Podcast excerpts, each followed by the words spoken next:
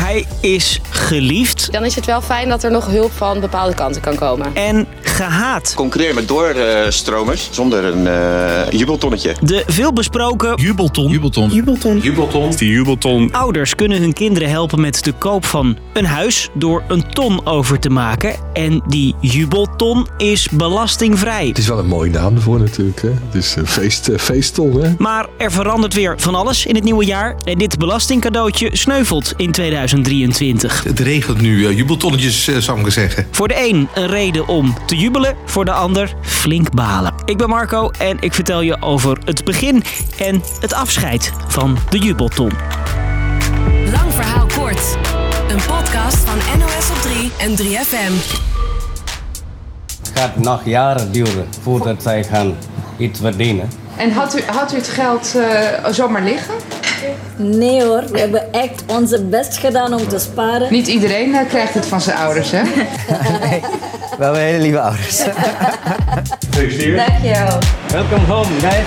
Welkom home. Een huis kopen met een jubelton. Een jaar of tien geleden was het een idee van het CDA om starters te helpen. Voordeel daarvan is dat starters zich niet tot de nek in de schulden hoeven te steken. Dat is goed voor de woningmarkt, die op dit moment toch wel eh, een zetje kan gebruiken. Mensen die straks eventueel een erfenis achterlaten van ouders naar hun kinderen. Ja, dat krijgen ze als, ze als ze hopelijk hun ouders wat oud zijn en zij ook. Dan hebben ze het wat minder aan. Nu bied je dan de mogelijkheid om dat nu aan de voorkant al te doen. Je kon in die tijd 50.000 euro overmaken naar de rekening van je kind voor een huis.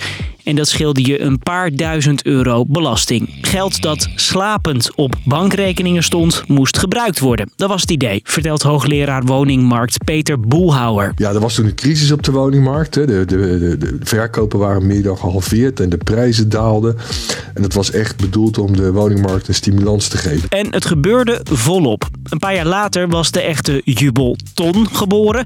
Het bedrag werd verhoogd naar 100.000 euro. De ontvangers moesten tussen de 18 en 40 jaar oud zijn. En sindsdien werd blijvend gejubeld. En hebben vele ouders internetbankieren eventjes geopend om geld over te maken. Er kwam deze nieuwe regeling van dat de ton geschonken kon worden. Zeiden nou, dan doen we dat. En zo zijn veel starters geholpen. 1 op de vijf starters die heeft wel een, eh, een schenking ontvangen. Dat is dus best wel veel. Het grootste bedrag wat, wat ze krijgen is een lager bedrag. Hè? Maar 28% krijgt die ton. Dus mensen krijgen wel geld, maar vaak niet die ton. Maar na 10 jaar schaft het kabinet nu die jubelton af. Zodat veel meer jonge mensen eerlijke toegang krijgen tot een huis. Want meer starters kans geven op.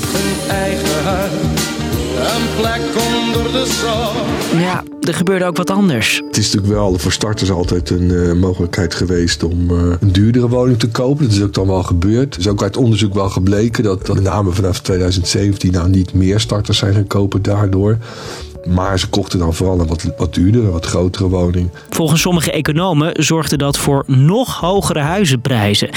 En nog een kritiekpunt: ongelijkheid. Ook een van de redenen dat de ton nu bezig is aan de laatste ronde.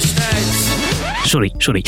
Ongelijkheid dus. Als jij toevallig ouders hebt die wat eh, extra geld hebben, dat je dat toch wel wordt voorgetrokken ten opzichte van eh, starters die dat niet hebben. Dus dat is de reden. En dat kost natuurlijk geld, dat kost belastinggeld. Elise Aniel, ik heb straks wel een familie, daar gaat de moeder een woning schenken aan de twee kinderen. En in dat kader wordt ook een jubelton eh, in orde gemaakt. Bij notarissen was het de afgelopen maanden heel druk met mensen die nog net op tijd zo'n jubeltonnetje wilden regelen. Bij mij alleen al waren er ruim 15 mensen. Je ziet eh, vooral ouders eh, die willen schen- schenken aan kinderen. Er worden heel wat tonnetjes cadeau gegeven nog deze laatste maanden. Ja, maar het hoeft niet per se om een ton te gaan. Maar houdt het dan nu helemaal op? Nee, dat niet. Volgend jaar kan er alsnog ruim 27.000 euro belastingvrij overgemaakt worden voor een huis. Voor alles daarboven ga je wel belasting betalen. Als je een ton overmaakt, om even bij het gejubel te blijven, moet je ongeveer 7000 euro overmaken naar de Belastingdienst. Maar op de valreep is er nog een truc om die ton wel belastingvrij te krijgen, vertelt hoogleraar woningmarkt Peter. Ja, dan moet je een, eh, minimaal 1 euro schenken nog eh, dit jaar. Dus je moet wel snel zijn. En er moet wel een contractje zijn. Er staan eh, notaris hebben van die voorbeeldcontracten. Die kun je op internet vinden.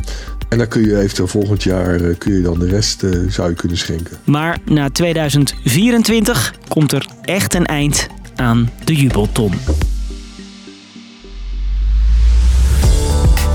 Dus, lang verhaal kort. Als jij aftelt naar 2023 is het ook aftellen voor de jubelton. Ouders die hun kind willen helpen met het kopen van een huis door een ton over te maken, moeten daar belasting over gaan betalen volgend jaar. Die jubelton was ooit bedoeld om de in het slop geraakte woningmarkt een zetje te geven, maar zorgde uiteindelijk ook voor een groeiende ongelijkheid voor huizenzoekers. En zo is de podcast er weer voorbij, joh. Wat vliegen die vijf minuten toch altijd om, hè?